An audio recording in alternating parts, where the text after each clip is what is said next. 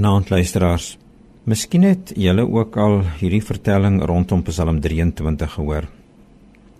Hulle sê daar was 'n geleentheid wat twee sprekers, kom ons sê nou maar twee predikante by 'n geleentheid is. En nou staan die een man op, kom ons sê nou maar dis 'n jonger man, staan op en hy dra Psalm 23 voor. En hy doen dit perfek en wonderlik en met elke moontlike stembuiging en hy gee die nodige emosie en stiltes en noem dit wat jy wil. Ek meen perfek en beter kon geen kom ons sê net maar akteur dit gedoen het of niemand net sommer die perfekte perfekte manier is Psalm 23 voorgedra. En as hy dan nou klaar is met hierdie Psalm 23 dan gebeur die wonderlike ding dat die gehoor spontaan begin hande klap. En weet 'n mens nou dit was mooi gedoen en dit is sinvol oorgedra en dit was net wonderlik. En dan staan die ouer man op, kom ons sê nou maar dit was 'n jonger man en 'n ouer man en dan staan die jonger man op en hy doen presies dieselfde.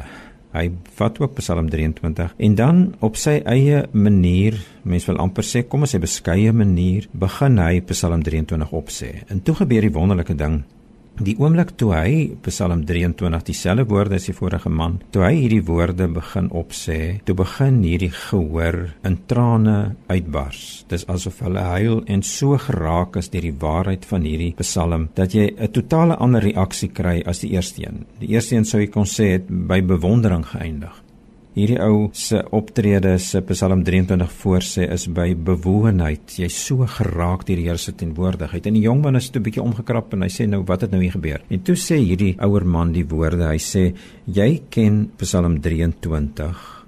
Ek ken die herder van Psalm 23.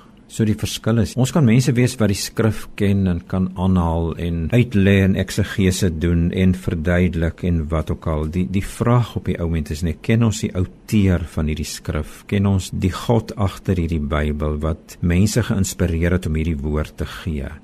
Ken ons hom want die Bybel het net waarde as dit vir ons leer en laat verstaan en besef wie en wat hy is en en hierdie ken van hom gaan ons anders laat praat gaan ons dieselfde skrif aanhaal as wat 'n 'n kenner van die skrif sou aanhaal wat dit sou koud en liefdeloos dalk hanteer. Nou wil ek weer sê net dit is skrif. Dis nie asof jy nou sommer net 'n humanistiese gedagtetjie weergee nie. Jy sou kon skrif aanhaal en jy het al die reg om om dit so te gebruik en mense daarmee te motiveer en te inspireer, maar dit kan 'n dooie woord wees. Terwyl die Here vir ons daar wil hê om te sê ek ken die herder, dan sal jy anders praat.